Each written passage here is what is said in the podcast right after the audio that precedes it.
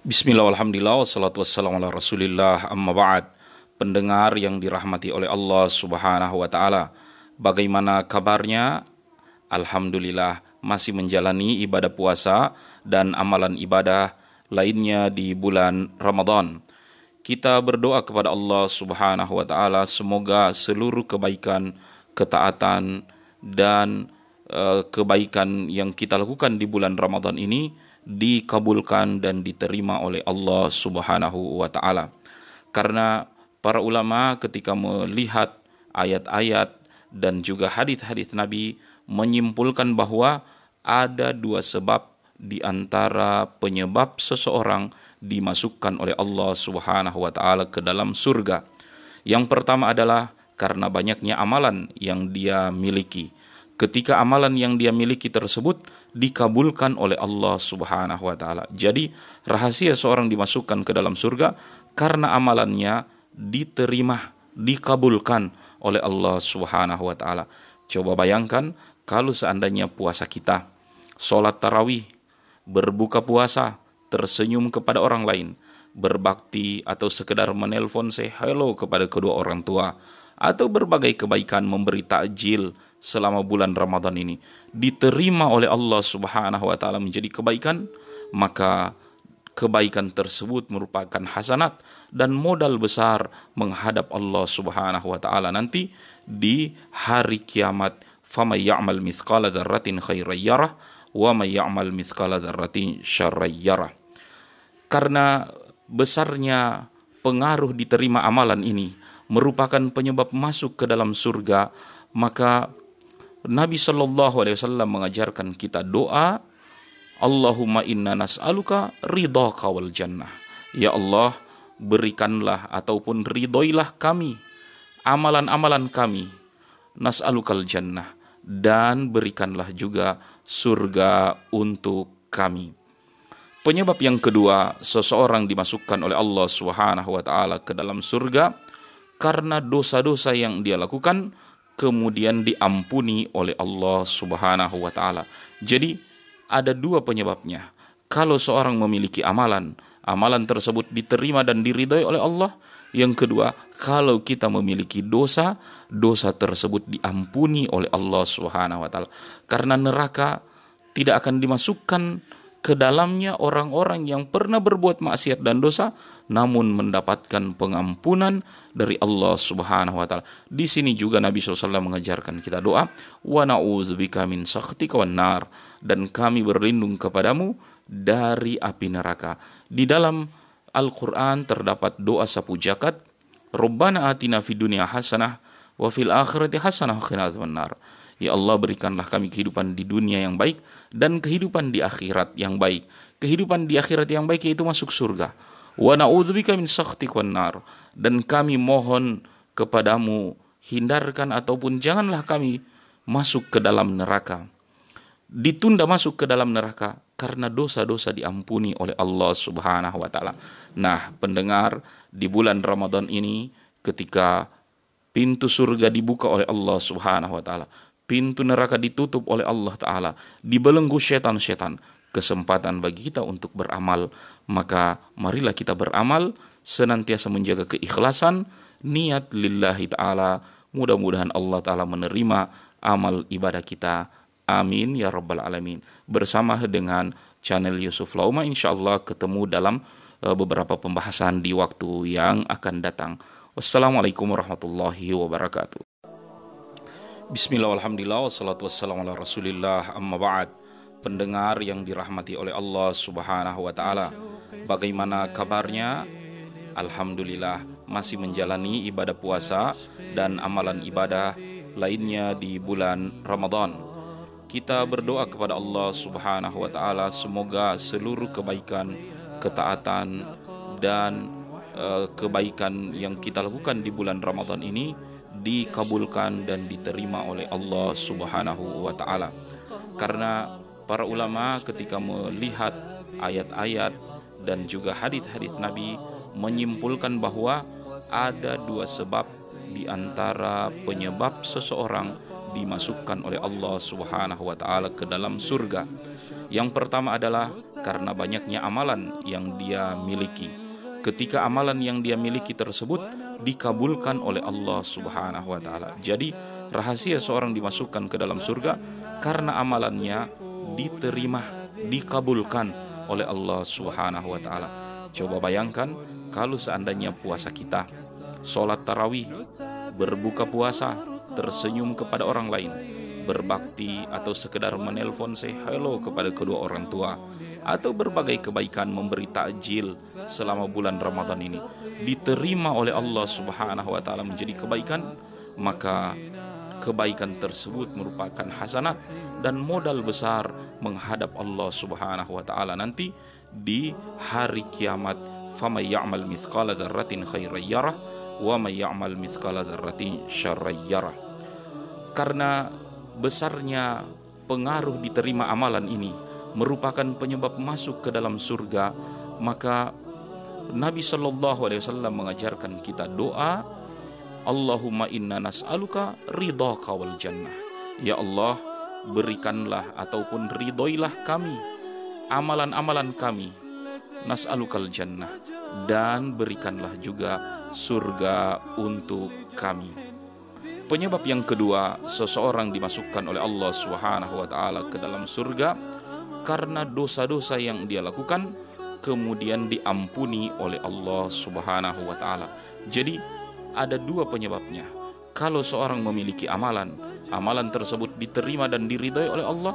Yang kedua, kalau kita memiliki dosa, dosa tersebut diampuni oleh Allah Subhanahu wa taala. Karena neraka tidak akan dimasukkan ke dalamnya orang-orang yang pernah berbuat maksiat dan dosa namun mendapatkan pengampunan dari Allah Subhanahu wa taala. Di sini juga Nabi SAW mengajarkan kita doa, wa na'udzubika min sakhtika wan nar dan kami berlindung kepadamu dari api neraka. Di dalam Al-Qur'an terdapat doa sapu jakat Rabbana atina fid dunya hasanah wa fil akhirati hasanah wa benar. Ya Allah berikanlah kami kehidupan di dunia yang baik dan kehidupan di akhirat yang baik. Kehidupan di akhirat yang baik yaitu masuk surga. Wa na'udzubika min sakhtik wan nar. Dan kami mohon kepadamu hindarkan ataupun janganlah kami masuk ke dalam neraka. Ditunda masuk ke dalam neraka karena dosa-dosa diampuni oleh Allah Subhanahu wa taala. Nah, pendengar, di bulan Ramadan ini ketika pintu surga dibuka oleh Allah Subhanahu wa taala, pintu neraka ditutup oleh Allah taala, dibelenggu setan-setan, kesempatan bagi kita untuk beramal, maka marilah kita beramal senantiasa menjaga keikhlasan, niat lillahi taala. Mudah-mudahan Allah taala menerima amal ibadah kita Amin ya Rabbal Alamin. Bersama dengan channel Yusuf Lauma insya Allah ketemu dalam uh, beberapa pembahasan di waktu yang akan datang. Wassalamualaikum warahmatullahi wabarakatuh.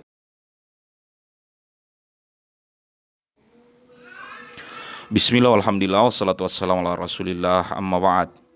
Pendengar yang dirahmati Allah subhanahu wa ta'ala ada amalan yang paling besar pahalanya ketika kita sedang berpuasa. Kita lakukan di bulan Ramadan, seolah-olah kita berpuasa sehari dua kali. Kok bisa berpuasa sehari dua kali? Ya, tatkala kita sedang berpuasa, kita juga memberi makan buka puasa kepada orang-orang yang sedang berbuka puasa.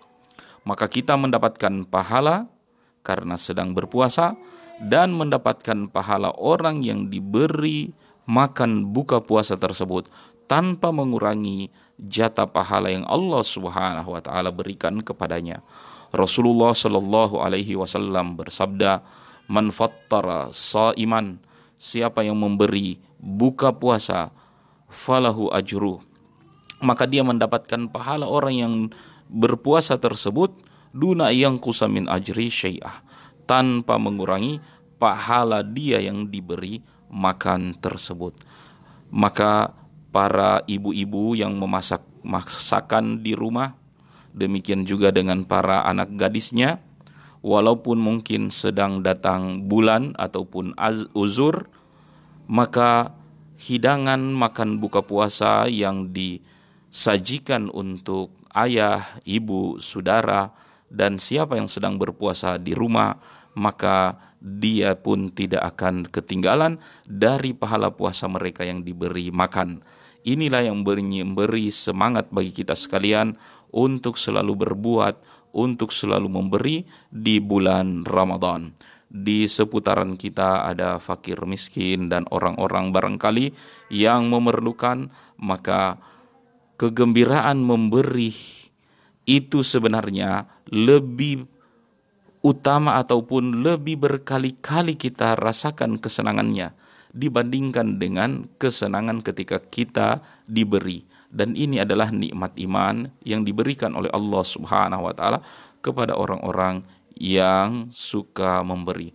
Allah Subhanahu wa taala memuji orang-orang yang banyak memberi dengan pujian dalam ayat qad aflaha man zakkaha telah beruntung orang-orang yang zakkaha memberikan zakatnya yaitu menyucikan dirinya dan pemberian inilah merupakan uh, sedekah yang akan menghalangi kita dari murka ataupun marahnya Allah Subhanahu wa taala. Rasulullah SAW mengatakan, "As-sadaqah tudfi'u ghadabillah." Sesungguhnya sedekah ataupun pemberian itu akan memadamkan kemarahan Allah Subhanahu wa taala kepada kita sekalian sebagaimana air bisa memadamkan api. Mudah-mudahan Allah taala memberi pahala dari semua kebaikan yang kita lakukan di bulan Ramadan ini dan kita keluar dari Ramadan ini diampuni dosa-dosa kita dan mendapatkan amal-amal soleh yang diterima oleh Allah Subhanahu wa taala. Wabillahi taufiq wal hidayah. Wassalamualaikum warahmatullahi wabarakatuh. Bismillah, alhamdulillah, wassalatu wassalamu ala rasulillah, amma ba'd. Assalamualaikum warahmatullahi wabarakatuh. Pendengar, apa kabar semuanya?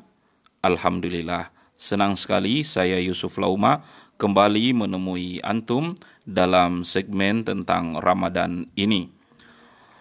Pernahkah di hari-hari ini kita melihat bagaimana para petugas kesehatan memakai ADP atau APBD. Saya kurang mengetahui betul apa namanya itu, alat pelindung diri, seragam semacam astronot yang mereka lakukan adalah tindakan pencegahan dari paparan virus COVID-19 dan kita berdoa kepada Allah mudah-mudahan Allah selalu menjaga para petugas kesehatan tersebut uh, dijaga dari berbagai mara bahaya dan hal-hal yang tidak diinginkan. Demikian juga dengan kita semua dan para pasien yang mudah-mudahan segera sembuh. Yang ingin saya sampaikan bahwa dalam keadaan darurat atau ketika kita terancam kita senantiasa berusaha mencari alat pelindung pelindung agar tidak terpapar dari virus. Para astronot memakai baju agar terlindung dari paparan radiasi di antariksa ataupun luar angkasa. Para petugas pemadam kebakaran ataupun penjinak bom, mereka memiliki pakaian-pakaian khusus melindungi diri mereka dari sengatan bahaya tersebut. Hubungannya dengan puasa Ternyata Nabi Shallallahu Alaihi Wasallam mengatakan bahwa puasa ini di antara keutamaan dan hikmahnya dia adalah pelindung jasad kita dari sengatan api neraka. Sebagaimana hadis dari Abu Hurairah radhiyallahu anhu, Nabi Shallallahu alaihi wasallam bersabda, "As-saumu junnah." Puasa itu adalah perisai. Wahisnul hasin minan nar dan dia adalah benteng yang kokoh sanggup menghindarkan diri dari api neraka. Jadi, puasa ini sesungguhnya dia adalah perisai. Perisai alat yang biasa dipakai oleh petarung di zaman dahulu. Kelengkapan selain pedang adalah perisai menangkis serangan dari musuh ya dan untuk melindungi diri mereka. Inilah puasa yang siapa melaksanakan ibadah puasa, maka Allah Subhanahu wa taala jadikan bagi dia perisai ataupun pelindung semacam pakaian eh, alat uh, ataupun pakaian dinas yang seperti yang dipakai hari ini oleh para tenaga kesehatan kita. Ya. Pelindung dari api neraka. Kajin nati ahadikum minal qital. Kata Nabi SAW, seperti perisai salah seorang di antara kalian dari api neraka. Ini adalah dalam puasa sunnah. Maka bagaimana dengan puasa Ramadan? Cukuplah keutamaan puasa Ramadan ini. Allah subhanahu wa ta'ala menyiapkan bagi orang yang berpuasa satu pintu khusus masuk di surga. Nama pintu tersebut adalah Bab Ar-Rayyan, gerbang Ar-Rayyan yang masuk ke dalamnya orang-orang berpuasa pada hari kiamat. Bila mana orang-orang puasa tersebut sudah masuk ke dalamnya, segera terlockdown, segera terkunci. Tidak ada lagi orang yang diizinkan masuk kecuali mereka yang menjadi ahli puasa. Maka betapa keutamaan berpuasa ini saatnya sekarang kita mengatur kembali supaya kita melaksanakannya dengan penuh keikhlasan, pengabdian, ubudiyah kepada Allah Subhanahu wa taala. Pendengar yang dirahmati Allah Subhanahu wa taala, insyaallah di waktu yang akan datang kita masih tetap membahas tentang tausiah Ramadan. Dan bila antum mau mencari uh, ceramah ini insya Allah silakan di berbagai podcast yang ada di internet. Uh, ketikkan saja Yusuf Laumah insya Allah akan ketemu dengan ceramah yang sama. Terima kasih. Wassalamualaikum warahmatullahi wabarakatuh Bismillah walhamdulillah wassalatu wassalamu ala rasulillah wa ala alihi wa ashabihi wa man walah. Hampir semua kita mengetahui doa di malam Lailatul Qadar sebagaimana hadis dari Aisyah radhiyallahu taala anha yang bertanya kepada baginda Rasulullah sallallahu alaihi wasallam ara'ait in alimtu ay lailatin lailatul qadar? Wahai Rasulullah seandainya saya mengetahui malam itu adalah malam lailatul qadar maka apa yang perlu aku perbanyak untuk baca maka Nabi SAW mengatakan kepada ibunda kita Aisyah radhiyallahu taala anha, "Quli katakan olehmu, Allahumma innaka afun karim, tuhibbul afwa fa'fu anni." Ya Allah, sesungguhnya Engkau suka memaafkan. Ya Allah, sesungguhnya Engkau pemaaf dan suka memaafkan. Fa'fu anni, maka ampunilah dosa-dosaku. Allahumma inna ka'afun. Ya Allah sesungguhnya engkau maha pemaaf. Pemaaf terhadap dosa dan kelalaian kita di dalam kehidupan. Demikian juga permohonan ampun, istighfar, permohonan ampun terhadap kelalaian dan juga maksiat yang kita lakukan. Namun kata para ulama, ketika permohonan maaf dan permintaan ampun disandingkan keduanya, Allahumma innaka afun tuhibul afwa fa'fu anni permohonan maaf dan permintaan ampun disandingkan maka yang disebut dengan afun kemaafan adalah minta kepada Allah Subhanahu wa taala maaf terhadap ketaatan-ketaatan yang telah kita lakukan dan permohonan juga terhadap dosa yang barangkali kita telah lakukan. Di malam-malam terakhir dari bulan Ramadan 10 malam terakhir Ramadan di mana kita berijtihad bermujahadah untuk beramal tentu semaksimal mungkin kita beribadah di 10 malam terakhir Ramadan tetap menyisakan bahwa kita masih jauh dari apa yang Allah Subhanahu wa taala harapkan. Maka dengan doa ini Allahumma innaka afun. Ya Allah engkaulah sesungguhnya maha pemaaf dan menyukai kemaafan yaitu minta kepada Allah kemaafan dari kelalaian kita melakukan amal dan ibadah dan ketaatan khususnya di 10 malam terakhir dari Ramadan ini dan juga kita mohon ampun dari Allah taala beristighfar terhadap dosa-dosa dan kesalahan. Mudah-mudahan kita termasuk orang yang mendapatkan Lailatul Qadar. Subhanakallah bihamdik asyhadu an la ilaha illa anta astaghfiruka.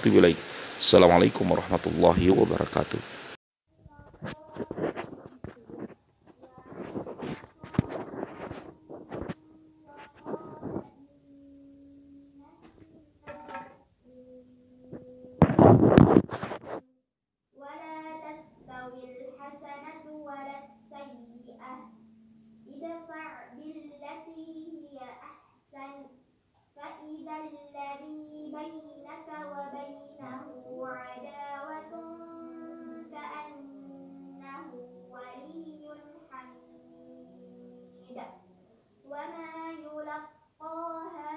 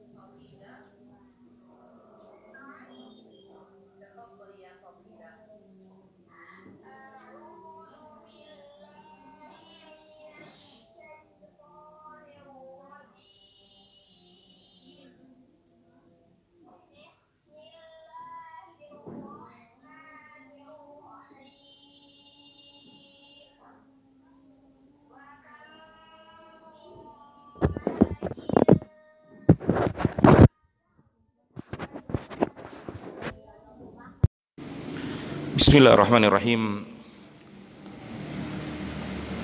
Alhamdulillah. Alhamdulillahi wahdahu wassalatu wassalamu ala man la nabiyya ba'dahu wa ala alihi wa ashabihi wa man walah. Ya Rabbana lakal hamdu kama yanbaghi li jalali wajhika wa azimi sultanik. Amma ba'du. Assalamualaikum warahmatullahi wabarakatuh. Apa kabar antum semua? Alhamdulillah. Uh, kembali lagi kita bertemu dalam kajian yang rutin ini sesudah kita jeda yang lama dengan adanya wabah corona. Semoga Allah Ta'ala memberi kesembuhan kepada kita sekalian, mengembalikan kehidupan kembali normal sebagaimana biasanya. Amin ya Rabbal Alamin. Dan untuk saudara-saudara kita yang sedang sakit, tak lupa kita berdoa kepada Allah Subhanahu wa taala dengan nama dan sifatnya. Semoga Allah taala mengangkat penyakit mereka, menyembuhkan mereka dan kita semua juga disehatkan dan dijaga oleh Allah Subhanahu wa taala. Amin ya rabbal alamin. Sirah Nabawiyah kita malam hari ini memasuki kajian yang pertama untuk Masjid Darul Jannah ini dan sebagaimana biasanya sebelum kita mulai terutama ini untuk Sirah Nabawiyah bahwa Rasulullah SAW adalah pribadi yang besar namanya diagungkan oleh Allah Subhanahu wa taala wa rafa'na laka dzikrak kami angkat namamu untuk dikenang diingat dibesarkan oleh manusia. Dan Allah Subhanahu wa taala juga selalu memberi curahan doa salawat dan rahmat kepada beliau. Demikian juga para malaikat. Maka kita disuruh sebagai umat juga untuk banyak-banyak bersalawat kepadanya. Innallaha malaikatahu yusalluna 'alan nabi. Ya ayyuhalladzina amanu sallu 'alaihi wa sallimu taslima kita bersalawat untuk Nabi SAW Allahumma salli wa sallim ala nabiyina Muhammadin wa ala ali Muhammad. Kama sallaita ala Ibrahim wa ala ali Ibrahim. Wa barik ala Muhammadin wa ala ali Muhammad. Kama barakta ala Ibrahim wa ala Ibrahim fil alamina. Innaka Hamidum Majid. Mempelajari sirah nabawiyah adalah sesuatu hal yang penting dalam kehidupan ini. Alasan pertama bahwa dia adalah pertanyaan kubur.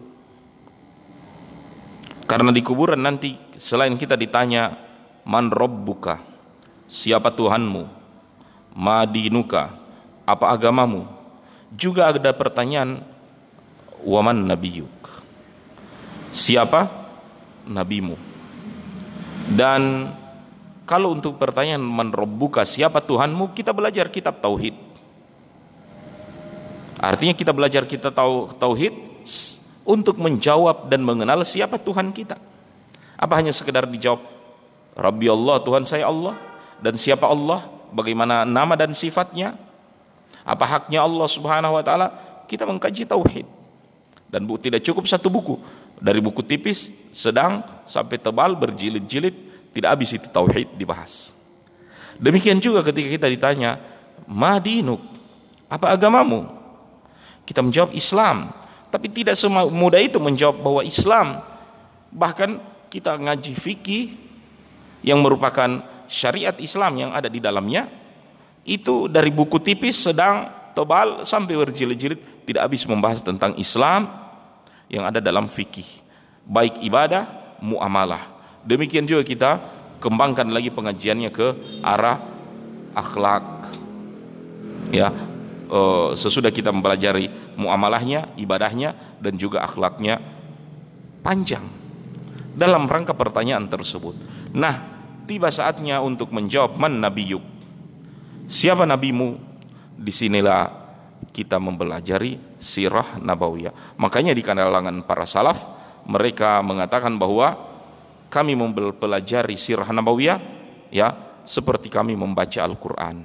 Seperti kami mempelajari Al-Quran. Nah, kalau orang belajar Al-Quran, belajar juga tentang sirah nabawiyah. Kenapa? Sirah nabawiyah adalah aplikasi daripada perintah Allah Subhanahu wa taala, perintah Rasulullah sallallahu alaihi wasallam. Ya, apa perintah Allah taala dalam Al-Qur'an? Pelaksanaan dari perintah itu ada dalam sirah nabawiyah. Apa larangan Allah Subhanahu wa taala dalam Al-Qur'an? Larangan itu pengerjaannya ada dalam sirah nabawiyah. Makanya ketika seorang datang kepada Aisyah radhiyallahu taala anha bertanya tentang bagaimana Rasulullah, bagaimana akhlak Nabi, bagaimana perilaku Nabi, beliau ibunda kita menjawab, pernahkah kalian mempelajari ataupun pernahkah kalian membaca Al-Quran? Mereka mengatakan, ya tentu kami membaca Al-Quran. Ibunda mengatakan, karena khulukul Quran. Akhlaknya Nabi itu adalah Al-Quran. Perbuatan Nabi itu adalah Al-Quran. Maka bagaimana Al-Quran itu berjalan di atas muka bumi? Belajarlah sirah nabawiyah. Sebab pelaksanaan daripada Al-Quran itu, itulah sirah nabawiyah. Dan ketika kita mempelajari sirah nabawiyah ini tidak terlepas dari mempelajari sejarah kehidupan dunia ini. Bahwa dari Adam alaihissalam sampai datang hari kiamat, kita tidak akan luput dari sekitar ya 23 tahun akhir dari kehidupan Nabi 13 tahun ada di Medina eh, 13 tahun ada di Mekah 10 tahun di Medina ya 40 tahun sebelumnya uh, sebelum menerima Rasul tidak akan lepas dari kehidupan yang dilalui oleh Rasulullah SAW di situ terdapat perubahan besar arah kehidupan manusia. Jadi kalau sejarah itu jarum sejarah berubah sangat total di 23 tahun kehidupan Rasulullah SAW mengemban risalah di mana sebelum datangnya Islam zaman jahiliyah menuju zamannya Islam ya.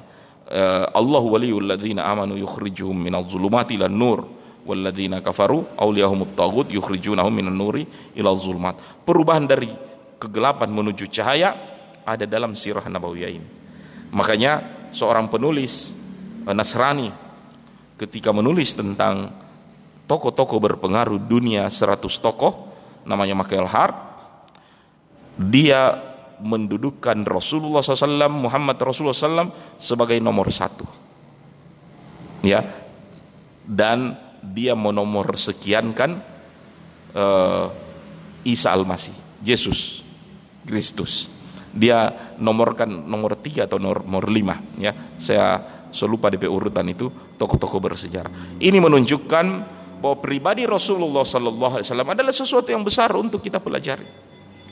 Belum lagi ketika mempelajari sirah Nabawi ini membuat kita banyak bersalawat untuk beliau. Dan salawat adalah amalan yang paling afdol sebab pahalanya bukan satu dua tiga tapi pahalanya adalah sepuluh. Man salla wahida sallallahu alaihi asyra siapa yang bersalawat untuk kesuatu kali Allah bersalawat ya. Yaitu Allah taala memberi kita rahmat ampunan ya. Uh, sepuluh kali ya. Jadi amalan yang paling afdal bersalawat untuk Nabi SAW dan majelis ini termasuk majelis yang banyak bersalawat untuk Nabi SAW ini manfaat-manfaat belajar sirah nabawiyah dan saya pesankan ketika mendengar nama Rasulullah SAW jangan segan-segan mengucapkan sallallahu alaihi wasallam atau Allahumma salli wa sallim alaihi ya. Atau sallallahu alaihi wasallam. Sebab Rasulullah SAW katakan ragima anfum riin. Sungguh rugi. Sungguh rugi. Sungguh rugi. Siapa yang rugi itu? Ya. Siapa yang mendengar namaku disebut? Ya. Walam yusalli alaihi Orang yang rugi itu adalah orang yang mendengar namaku disebut dan tidak bersalawat. Dalam riwayat yang lain, orang yang paling kikir. Apa itu orang kikir? Ya, bukan cuma orang yang tidak bakasi doi, tapi orang yang mendengar nama Nabi disebut dan tidak berdoa bersalawat untuk Nabi Shallallahu Alaihi Wasallam. Makanya mendengar nama Nabi Shallallahu Alaihi Wasallam bersalat Allahumma salli alaihi Allahumma salli alaihi atau Sallallahu Alaihi Wasallam atau salawat yang panjang seperti yang kita baca waktu tahiyat Allahumma salli ala Muhammadin wa ala Muhammad kama sallaita ala Ibrahim wa ala Ibrahim teruskan wa barik ala Muhammadin wa ala Muhammad kama barakta ala Ibrahim wa ala ali Ibrahim. Apa? Fil alamina innaka hamidum majid.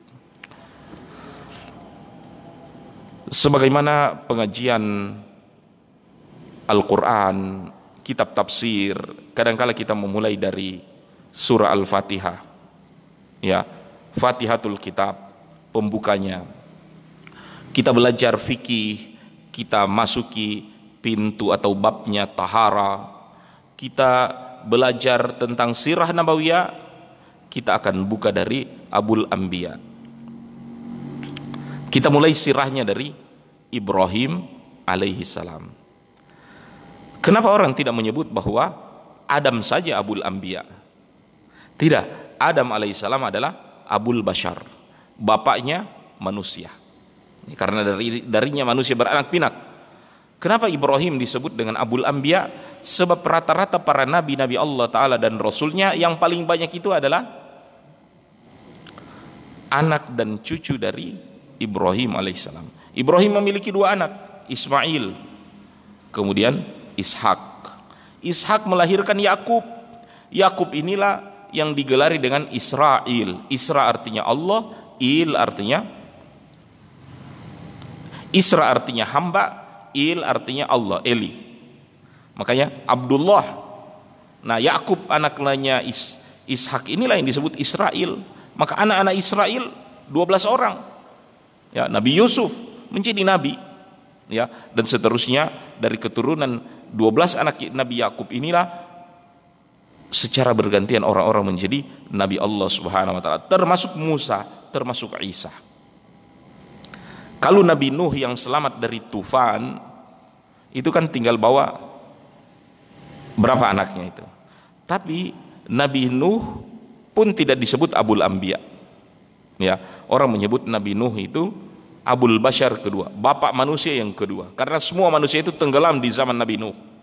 Tinggallah yang selamat sesudahnya Nuh ya bersama anak-anaknya.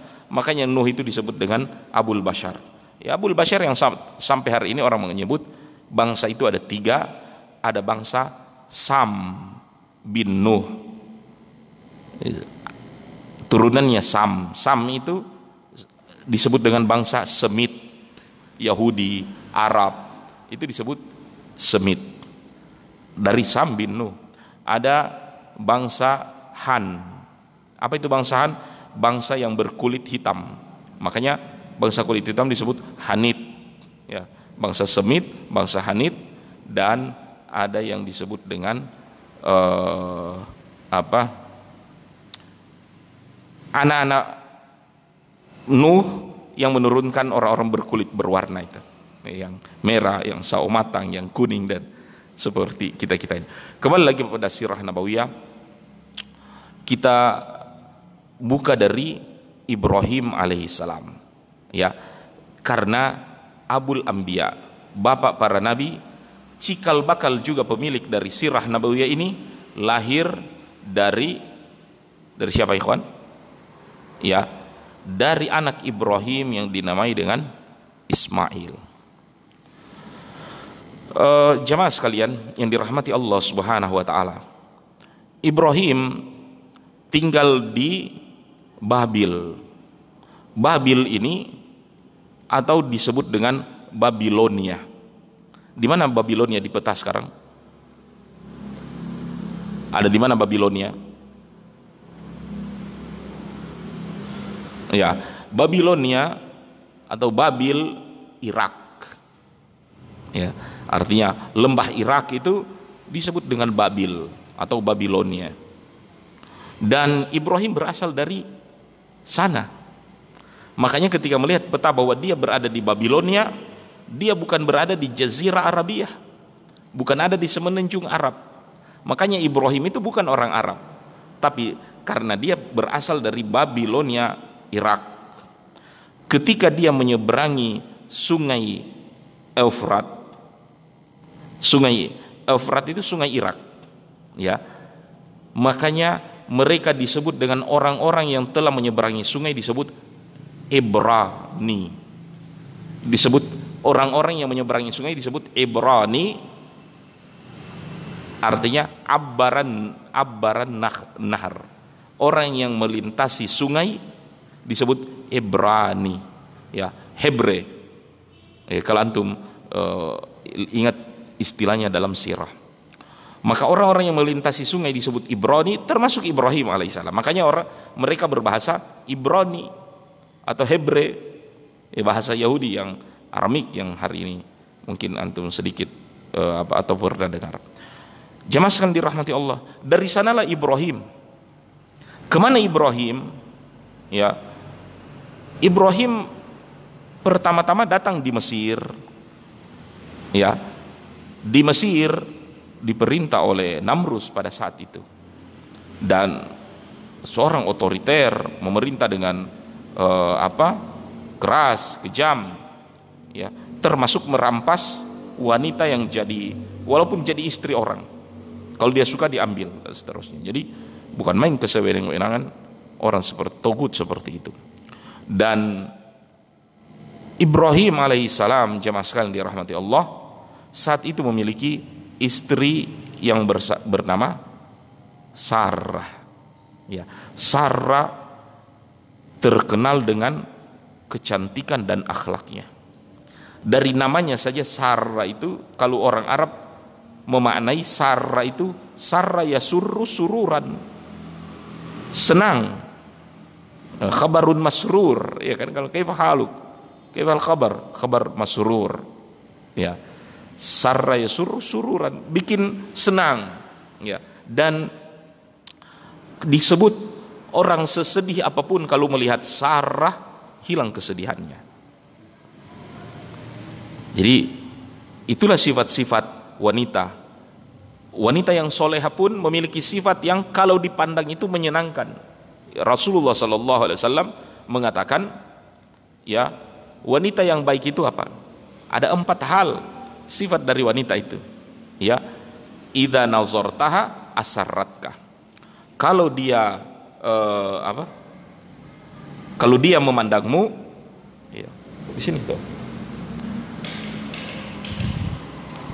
Kalau dia memandangmu asaratkah menyenangkan hatimu. Ya. Dan wa idza amartaha ata'atkah? Matiin saja itu ini belakang.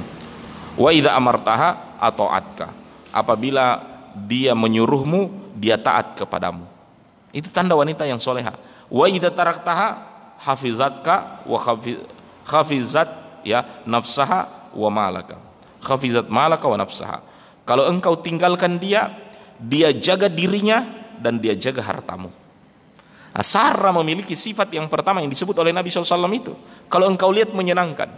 Dan seperti itulah seharusnya wanita di hadapan suaminya bukan malah berdandannya waktu keluar rumah.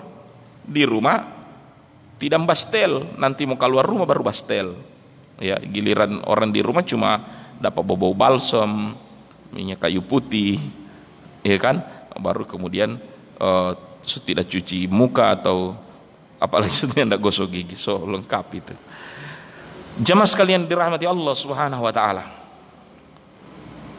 Kecantikan Sarah itu terdengar di mana-mana sampai ke telinga ini raja Namrus ini. Makanya dia suruh untuk datangkan wanita itu.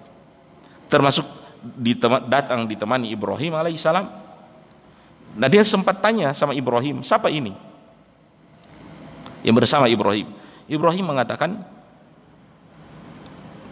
Hiya ukhti. Dia saudariku. Kenapa Ibrahim tidak mengatakan dia adalah istriku? Kalau disebut istri tidak segan-segan ini raja yang kejam bunuh suaminya. No kalau jadi janda, siapa larang dia mau kawin ulang? Ya, tapi kalau disebut ukhti, oh ini DP saudara, segan dia mau uh, artinya ada segannya sedikit. Dan ini dalam agama namanya tauriyah. Yang dilakukan oleh Ibrahim tidak berdusta. Ibrahim berkata jujur namun kejujuran itu akan salah dipahami oleh orang lain. Dan di dalam agama boleh kita tauriyah karena ya kita boleh tauriyah untuk sebuah keperluan dan maslahat jadi tidak setiap hal orang bertauriyah tauriyah beda dengan kadzib Kadib itu betul-betul dusta. No, ketika Ibrahim mengatakan dia saudariku, dia ukti, Ibrahim tidak berdusta. Kenapa?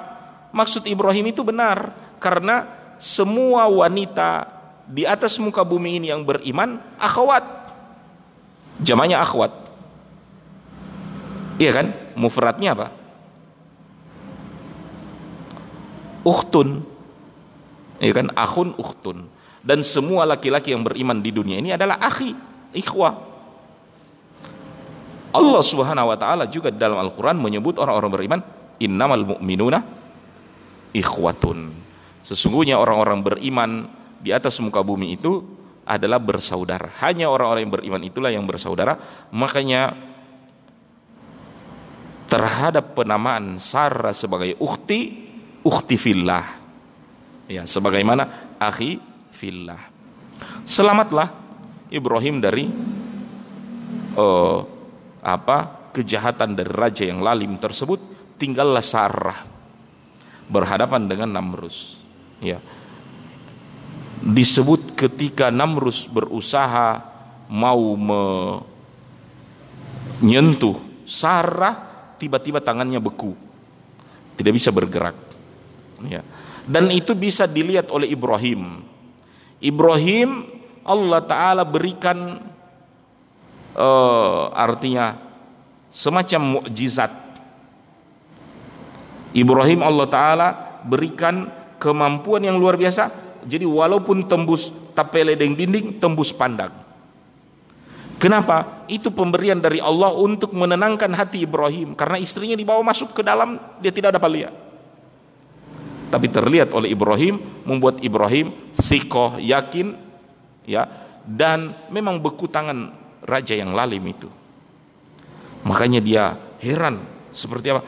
Dia minta-minta ampun. Dia bilang doakan supaya kembali lagi DP tangan jadi normal. Ya nanti dia mau kasih perhiasan atau apalah yang jadi perhiasan. Sarah wanita yang beriman kepada Allah Subhanahu wa taala taat kepada suaminya ya bertawassul kepada Allah taala dengan kesolehannya. Ya kalau apa yang dia lakukan kepada Ibrahim adalah hal yang benar selama ini. Taat kepada suami adalah hal yang benar maka Sarah berdoa ya Allah jagalah aku. Dan seperti itu kita dalam kehidupan ini. Bertawassul itu tawassul dengan doa. Tawassul dengan amal soleh yang kita lakukan. Jadi daripada jauh-jauh di gunung puncak gunung pergi kuburan keramat ya wisata wali. Cuma ada mau minta doa di sana. Jamaah sekalian dirahmati Allah itu tawassul. Tapi tawassul dengan orang mati yang tidak akan bisa ngapa-ngapain kalau orang semati ya. Karena orang mati itu la yastajibu lahu ila yaumil qiyamah wa an du'ahim ghafilun. Tidak akan menjawab doa dan panggilan kita orang kalau somati sampai hari kiamat. Ya, baku bicara saya dengan orang yang setengah mati mati setengah artinya tidur tidur itu kan mati setengah. Tidak akan bisa berkata-kata tidak akan bisa uh, berguna apalagi dengan orang yang mati seperti itu ya. Antum coba aja kalau baku bicara orang tasono apalagi manggoro. Ya ini so di dalam kubur di dalam peti di dalam tanah tidak akan berfungsi. Maka tawasul yang benar tawasul dengan amal soleh. Itu yang dilakukan oleh Sarah. Kalau aku ini taat pada Allah dan betul aku ini juga menjaga diri menjaga kesucian suaminya maka tolonglah aku. Maka Allah tolong. Dan itulah yang kita selalu lakukan saat ini jamaah sekalian. Kita beramal soleh. Amal soleh itu berguna. Terutama di waktu-waktu kepepet seperti itu kita tawasul dengan amal soleh itu. Persis dengan tiga orang yang terperangkap di dalam gua yang mereka mengatakan kita tidak bisa keluar dari gua ini kecuali dengan bertawasul dengan amal-amal soleh kita ya. Maka ketiga orang tadi mulai mengungkap ada yang baik terhadap karyawannya ada yang berbuat baik kepada kedua orang tua ada yang tobat dari zina. Mereka sebut kebaikan dan pertobatan mereka ada mereka bisa keluar dari gua tersebut. Hadis yang ditulis oleh Imam Nawawi di Riyadus Salihin jemaah sekalian yang dirahmati Allah Subhanahu wa taala akhirnya Namrus raja yang lalim yang mengganggu istri dari Nabi Ibrahim itu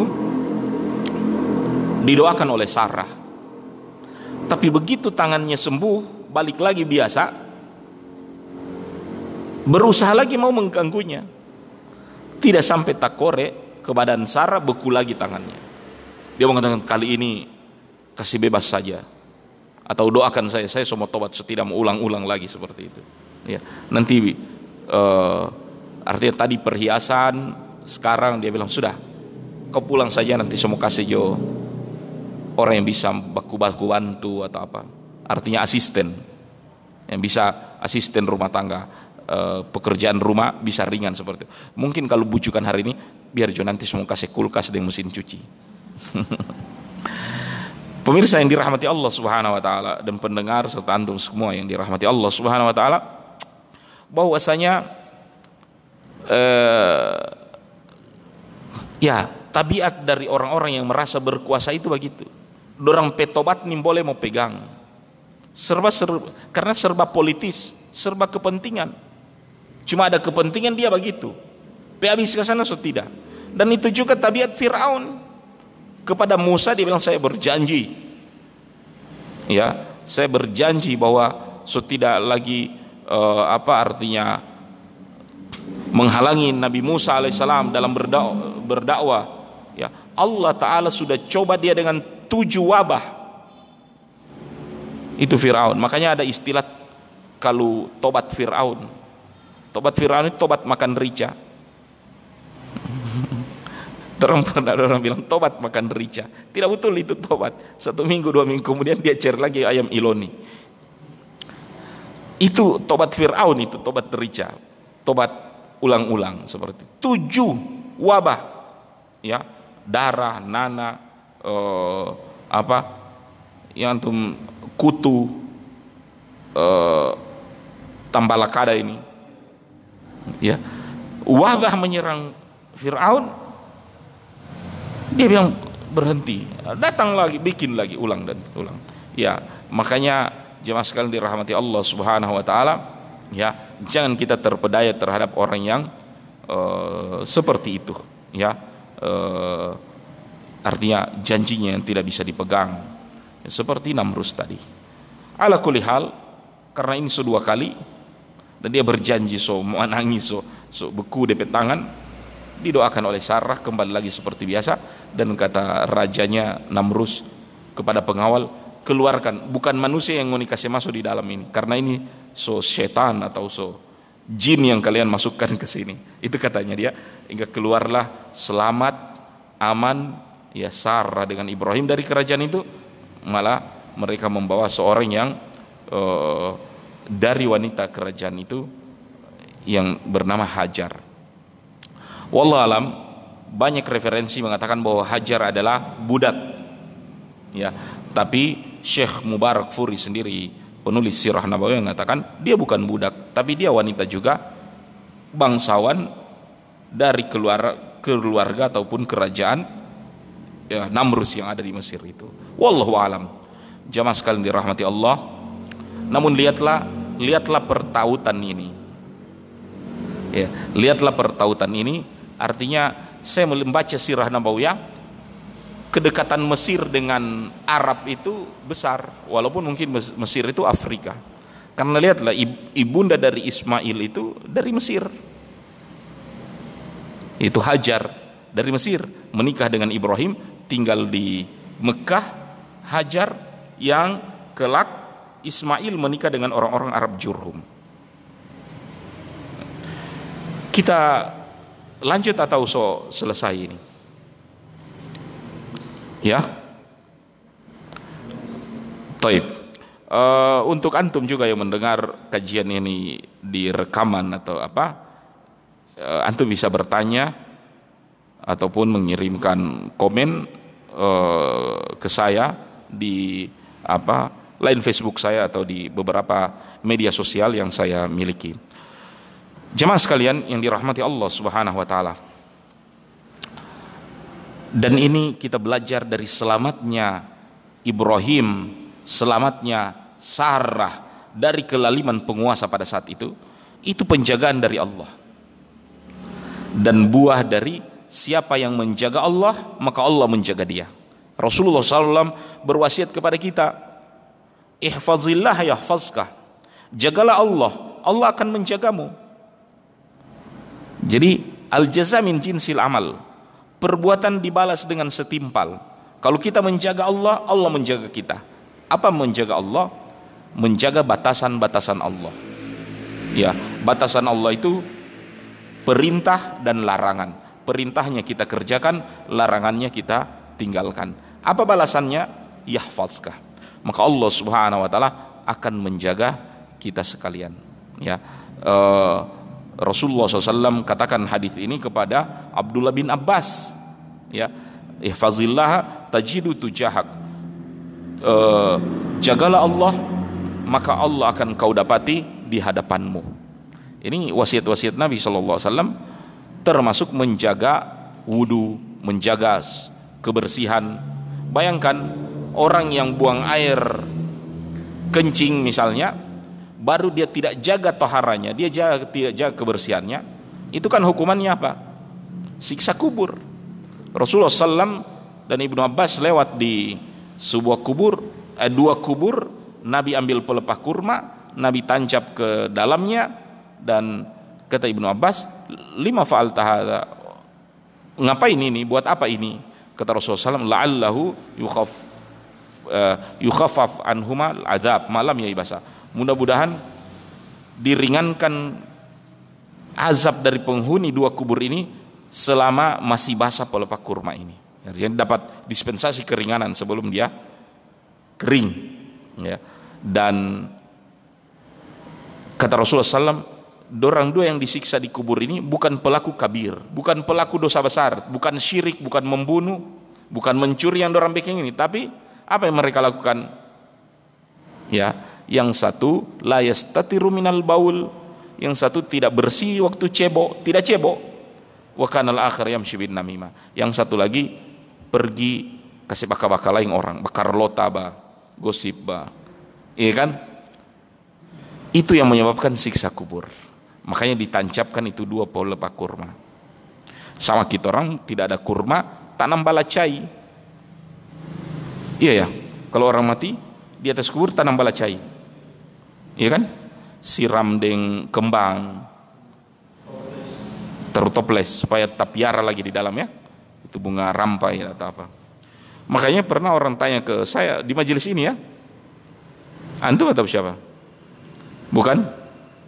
Pernah dalam sebuah majelis talim orang tanya Ustaz, apa hukum itu mbak, mbak siram-siram di atas kubur? Saya bilang, antum baca hadis Ibnu Abbas.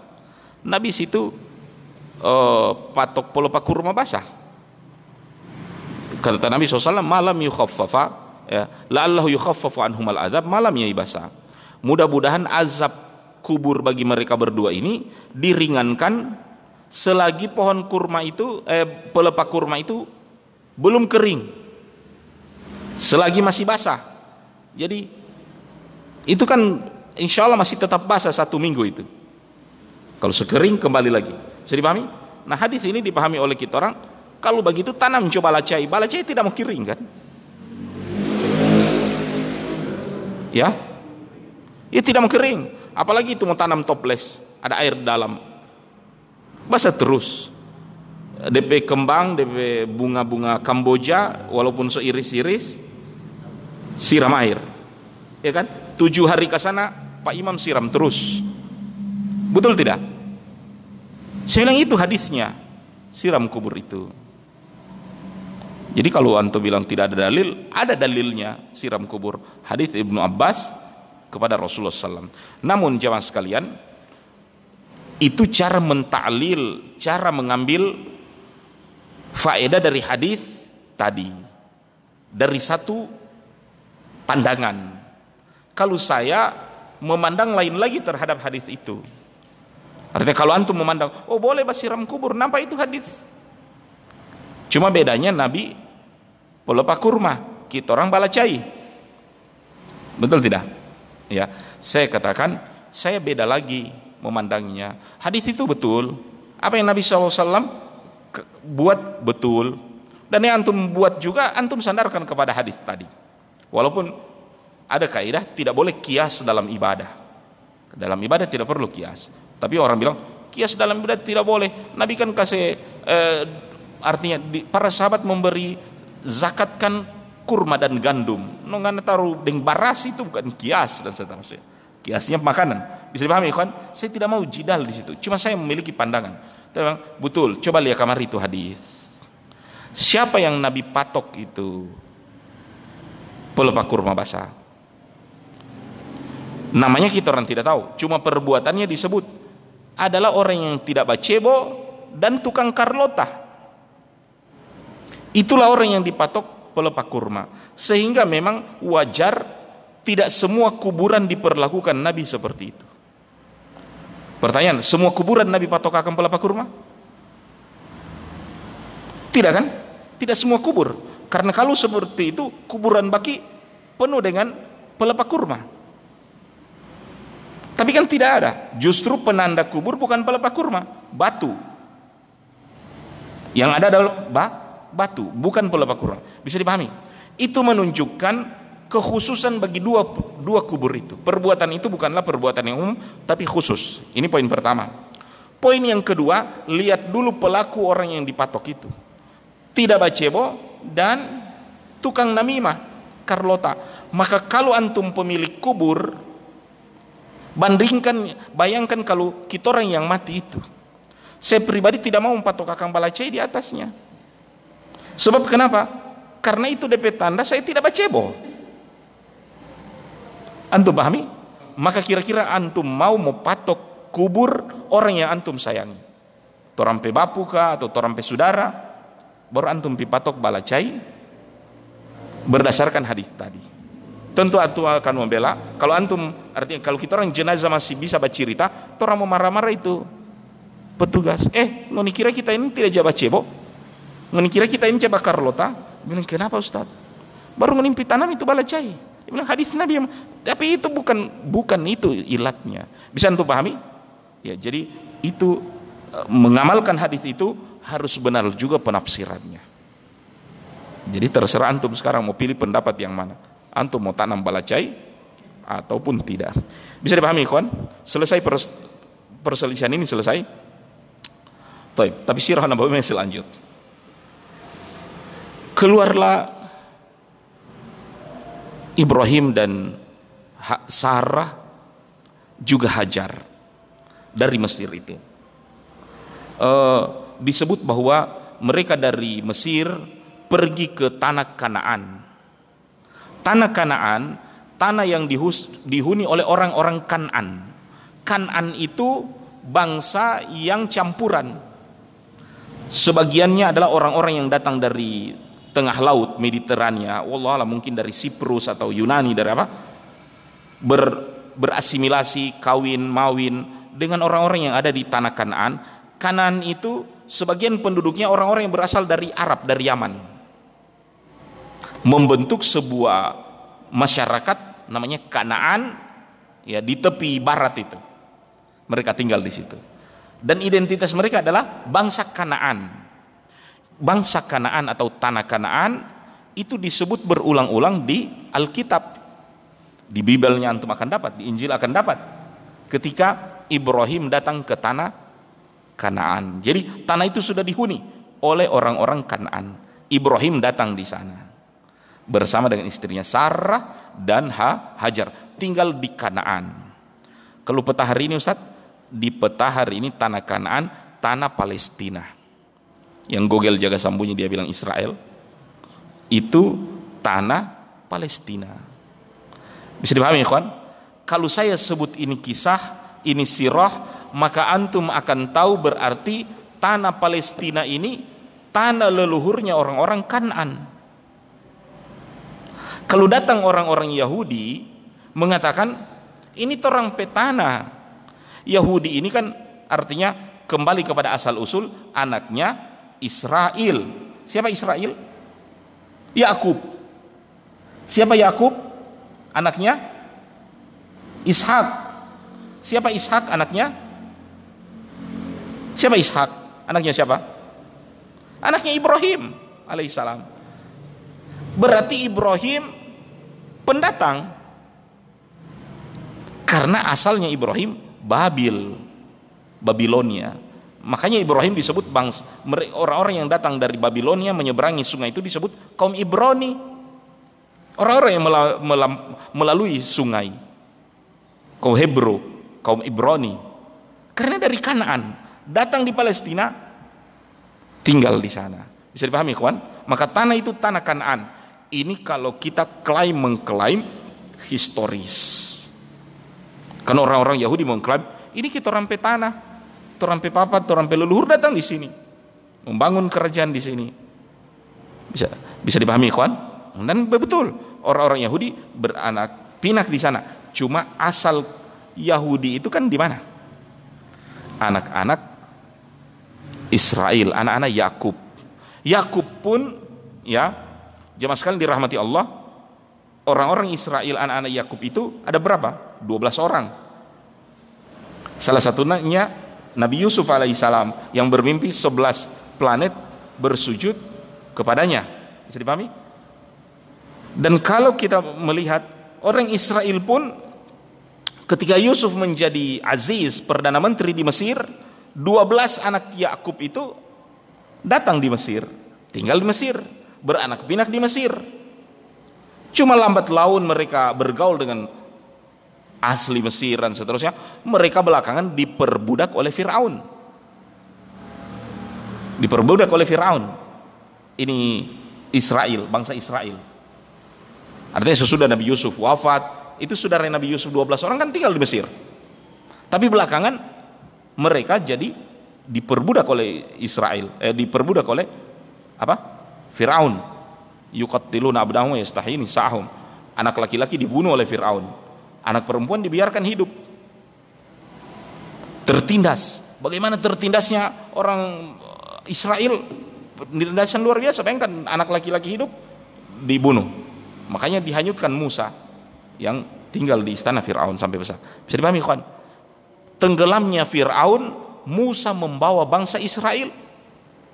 Kembali tanah leluhur mereka ataupun orang tua mereka pernah hidup di sana datang lagi ke tanah Kanaan Palestina itu. Ya walaupun mereka pun di atas gurun Saina 40 tahun tak putar-putar akhirnya datang lagi di sana. Bisa dipahami kawan maka sejarah kalau orang Yahudi mengatakan ini torampe tanah ini Palestina seperti antum punya tanah artinya antum uh, eh saya ya gak usah antum. Bukan saya bukan orang asli. Datang di sini tinggal. Tapi saya tinggal di sini karena sana kamari juga. Nanti belakang orang bilangnya kita orang petana ini. Bisa untuk pahami peta sejarahnya dari melihat ini sirah Nabi ya. Taib. Kita bukan menggugat para nabi ini bukan, tapi konteks kekinian ketika orang Yahudi mengatakan tanah ini orang punya. Bisa untuk pahami? Dari historisnya, eh jangan tanah ini tanah Kanaan. Lihat itu Alkitab Alkitab saya bilang tanah ini tanahnya orang Kanaan. Dan antum cari siapa itu bangsa Kanaan? Bangsa asimilasi antara orang Arab dengan orang ya berasal dari uh, apa dari sebagiannya Mesir, sebagian lagi Siprus dan seterusnya membuat sebuah bangsa ya, bangsa Palestina itu. Bangsa Filistin itu. Ya, Palestina itu juga itu sebutan bahasa slang disebut bahwa mereka orang-orang berandal begitu atau apa.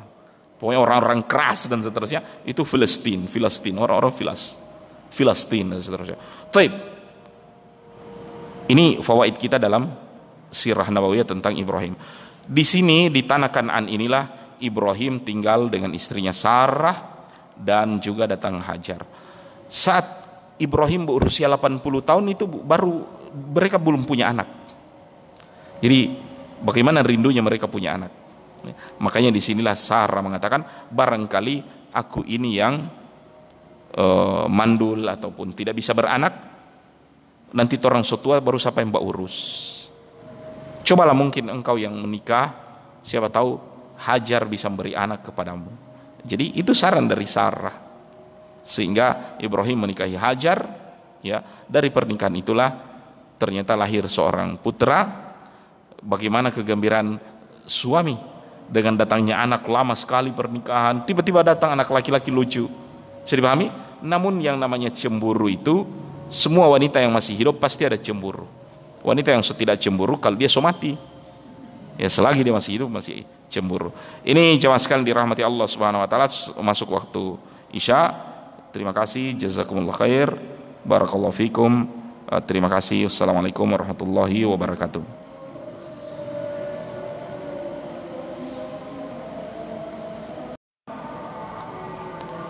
Mereka tidak bisa keluar dari tempat tersebut sehingga ditutupi oleh batu. Mulut gua itu ditutupi batu. Mereka berusaha untuk dorong tidak bisa keluar. Artinya kalau pakai tenaga manusia tidak bisa. Sampai-sampai mereka mengatakan ini harus doa. Dan ini juga menunjukkan bahwa tidak boleh juga orang putus asa. Dia bilang kita orang tiga so dorong tidak bisa. Ini baru tidak lagi. Ini menunjukkan juga usaha dan doa. Usaha so lakukan tinggal doa sekarang Makanya mereka mengatakan doa itu diijabah kalau kita bertawasul dengan amal soleh dan kebaikan kita. Yang satu bertawasul birrul walidain, berbuat baik pada orang tua. Apa? Dia punya orang tua, baru orang tuanya minta dibelikan madu, dicarikan madu. Maka dia pulang bawa madu, orang tuanya sudah tidur, terlelap. Tinggal anaknya yang merengek, minta minum itu madu. Tapi dia tidak kasih pada anak biar menangis. Karena ini orang tuanya minta. Dia bilang kalau apa yang dilakukan itu untuk orang tua adalah perbuatan baik keluarkan kami dari goa ini. Dia sebut amal solehnya dicoba dorong cuma bisa bergerak dikit. Belum bisa keluar. Orang kedua berbicara. Dia bilang saya punya karyawan. Satu orang yang begitu dia pergi tidak ambil gajinya maka gaji itu saya belikan kambing. Kambing itu melahirkan kambing. Lama-lama kambing itu sesuatu lembah. Sokawang banyak. Sehingga dia tidak lama kemudian datang pegawainya dan sebut minta ada DP gaji yang belum diambil. Maka dia pun mengatakan kau lihat semua kambing ini? Dia bilang ya dia bilang semua itu milikmu gajimu. Ambil saja semua dan dia mengatakan kalau itu amal soleh keluarkan kami dari goa ini. Didorong ternyata cuma tambah sedikit dari pergerakan. Orang ketiga tidak ada amal solehnya. Bayangkan tidak ada amal solehnya orang ketiga ini. Namun dia memiliki pertaubatan dan ini juga keutamaan dari taubat. Dia mengatakan saya punya uh, artinya masih sepupu atau orang yang dia kenal wanita perempuan. Dia suka menikahi wanita itu tapi wanita itu tidak suka sama dia. Jadi dia suka sama wanita itu wanita itu tidak suka pada dia. Suatu saat dia lamar dia tidak mau. Suatu saat wanita itu memerlukan uang dari dia. Dia mengatakan e, harus serahkan dirinya itu perempuan kalau dia mau kasih uang. Maka wanita itu pun akhirnya mengatakan kepadanya sebelum perbuatan zina itu terjadi dia bilang jangan engkau memecahkan cincin itu kalau bukan ahlinya. Takutlah kepada Allah. Ungkapan takut kepada Allah ini menyebabkan laki-laki ini langsung lari takut kepada Allah. Dia tinggalkan wanitanya dia tinggalkan uangnya. Dan dia mengatakan ya Allah kalau itu perbuatan baik lari dari dosa seperti itu keluarkan kami dari goa ini. Maka ternyata dia dorong tak keluar dari gua itu ya itu tawasul dengan amal soleh dan banyak dalam hidup ini kita beramal soleh ya untuk doa-doa kita juga bisa diijabah oleh Allah Subhanahu wa taala. Tawasul yang kedua yang boleh adalah dengan perantaraan doa orang soleh yang masih hidup. Doa orang soleh yang masih hidup, orang soleh di sekitar kita itu yang berkah doanya itu orang tua kita. Apalagi kalau orang tua itu menjaga sholatnya. Maka orang soleh ya doa mereka itu masya Allah. Di sinilah orang tua ataupun siapa saja yang memiliki kesolehan kita mintakan doanya.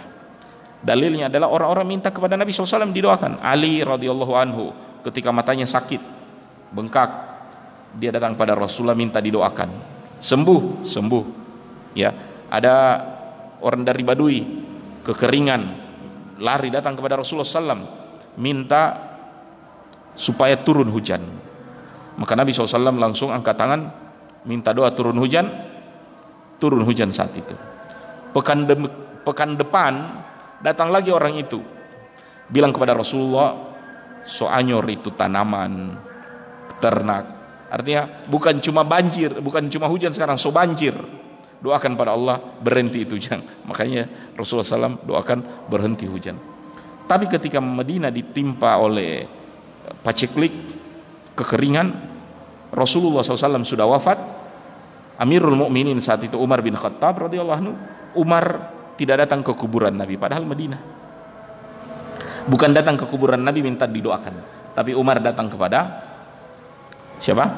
Datang kepada Abbas pamannya dulu kami minta didoakan oleh ponakanmu sekarang berdoalah engkau. Semoga turun hujan. Jadi doa orang soleh yang masih hidup. Itu tawasul yang kedua. Tawasul yang ketiga berperantaran dengan nama-nama dan sifat Allah. Allah Ta'ala memiliki nama. Allah Ta'ala memiliki sifat. Dengan nama dan sifat itulah kita mengenal Allah. Saya sudah bahas ini kajian di tempat ini Sebab Allah Subhanahu wa taala tidak terlihat di dunia ini. Bohong kalau ada orang bilang kita orang sudah lihat Tuhan. Iya, ente dapat lihat di mimpi atau terjaga? Dibilang terjaga, bohong. Kalau di mimpi itu para ulama menyebut bisa saja orang bermimpi ya melihat Allah. Tapi kalau dalam keadaan terjaga tidak betul itu. Kenapa? Ya. Sebab uh, artinya memaksakan diri melihat Allah di dunia ini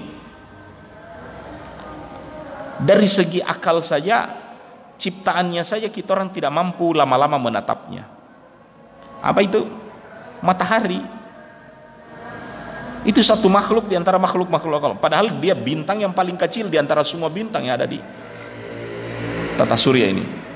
Namun kepada Allah Subhanahu wa taala kita tidak artinya terhadap matahari tidak bisa lima menit orang mulia buta. Apatah lagi penciptanya? Ibaratnya kalau orang mau melihat Allah dengan kedua kelopak matanya saat ini mau mengisi gelas itu dengan air satu samudera mengisi kamari semua lautan ini di gelas ini. Apa yang tenggelam? Gelasnya tenggelam. Bukan airnya yang tak isi. Bisa dipahami maka dua kelopak mata kita yang lemah ini di dunia baru mau melihat Allah bagaimana? Rasulullah SAW saja ini dalam Isra dan Mi'raj. Dan menjadi perdebatan antara Aisyah dengan Abdullah bin Abbas apakah Rasulullah melihat Allah atau tidak? Iya kan? Kalau dari kalau menurut Aisyah melihat kalau Abdullah bin Abbas tidak.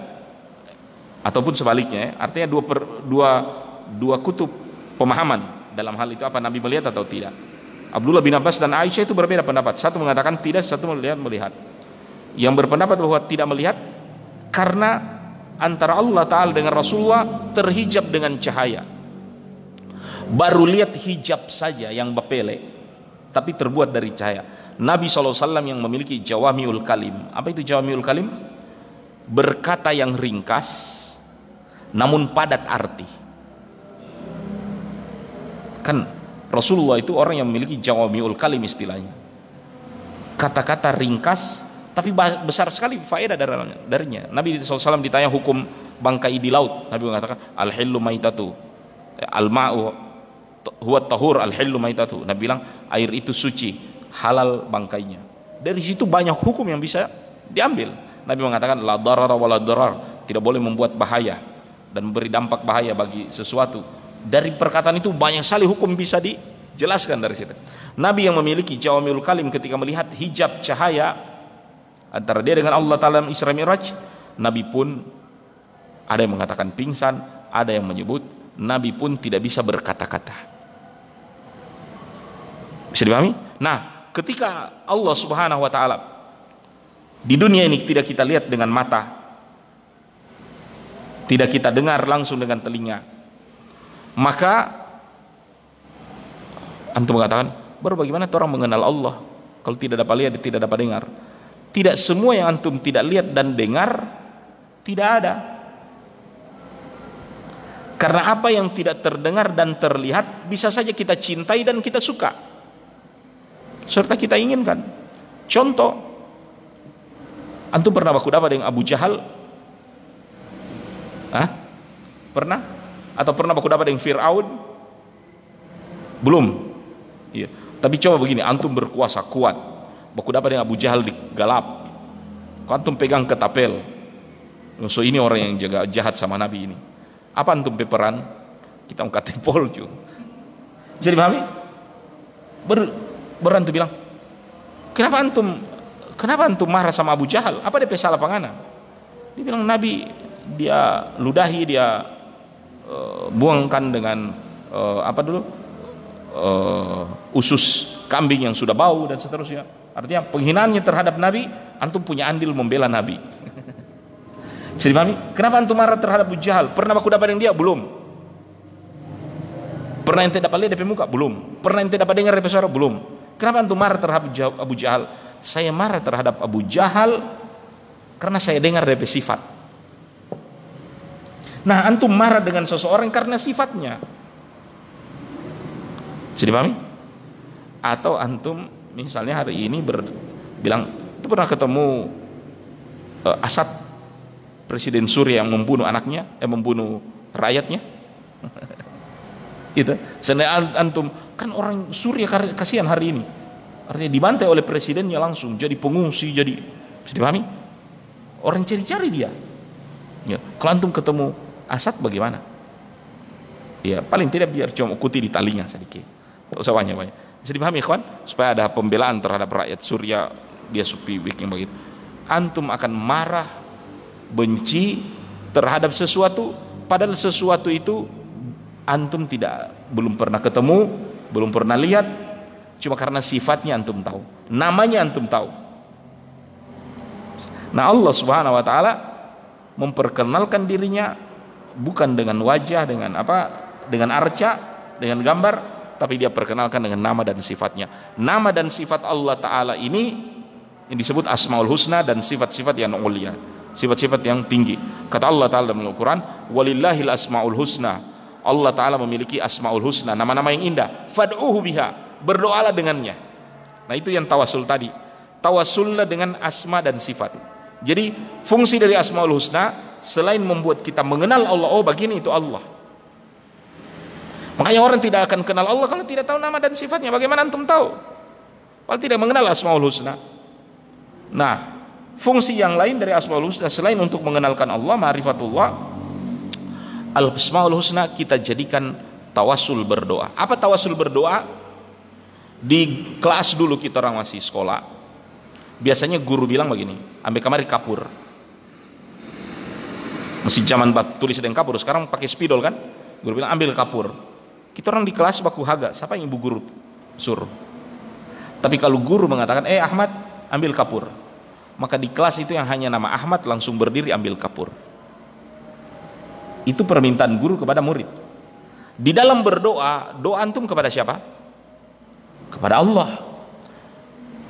Restoran berdoa, doa kepada Allah subhanahu wa ta'ala.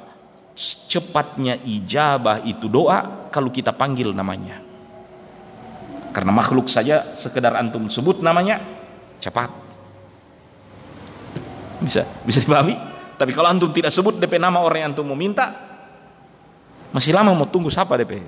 Bisa dipahami? Makanya itu kenapa doa dengan tawasul cepat sebab antum panggil namanya. Apalagi nama dan sifat itu memiliki korelasi, memiliki hubungan dengan jenis dari permintaan yang antum minta. Antum minta rezeki kepada Allah. Allah yang memiliki nama dan sifat Razak, pemberi rezeki. Maka ya Allah, Tuhan pemberi rezeki, Ar-Razzaq, urzukni, berikan aku rezeki. Maka Allah Ta'ala tahu dipanggil namanya dengan nama yang mengedarkan dan memberi rezeki. Oh ini kasih orang meminta rezeki. So panggil saya dengan nama rezeki, dengan e, nama yang bahwa aku membagi-bagi rezeki. Bisa dipahami? Maka di situ kita minta tolong. Dalam keadaan kita lemah, kita minta kekuatan, kita minta pada Allah, kita panggil nama Allah Taala Al-Qawi, Maha Kuat. Allah Taala akan melihat antum, oh, orang lemah, memanggil dengan nama Allah Ta'ala Al-Qawi di situlah letak walillahil asmaul husna fad'u biha. Allah Ta'ala memiliki nama dan sifat berdoalah dengannya. Jadi doa asmaul husna sebut namanya dan minta jangan seperti orang-orang yang cuma menyebut nama baru tidak ada panggil bagaimana. Ada juga kecenderungan orang begini panggil nama baru tidak ada yang dia minta. Pak Ajil misalnya cuma panggil Azil itu bilang ya Ustaz coba tes Pak Zil Abu Falah ya, Pak Zil kalau seratus kali saya panggil begitu antum juga bosan. Apa ini Ustaz?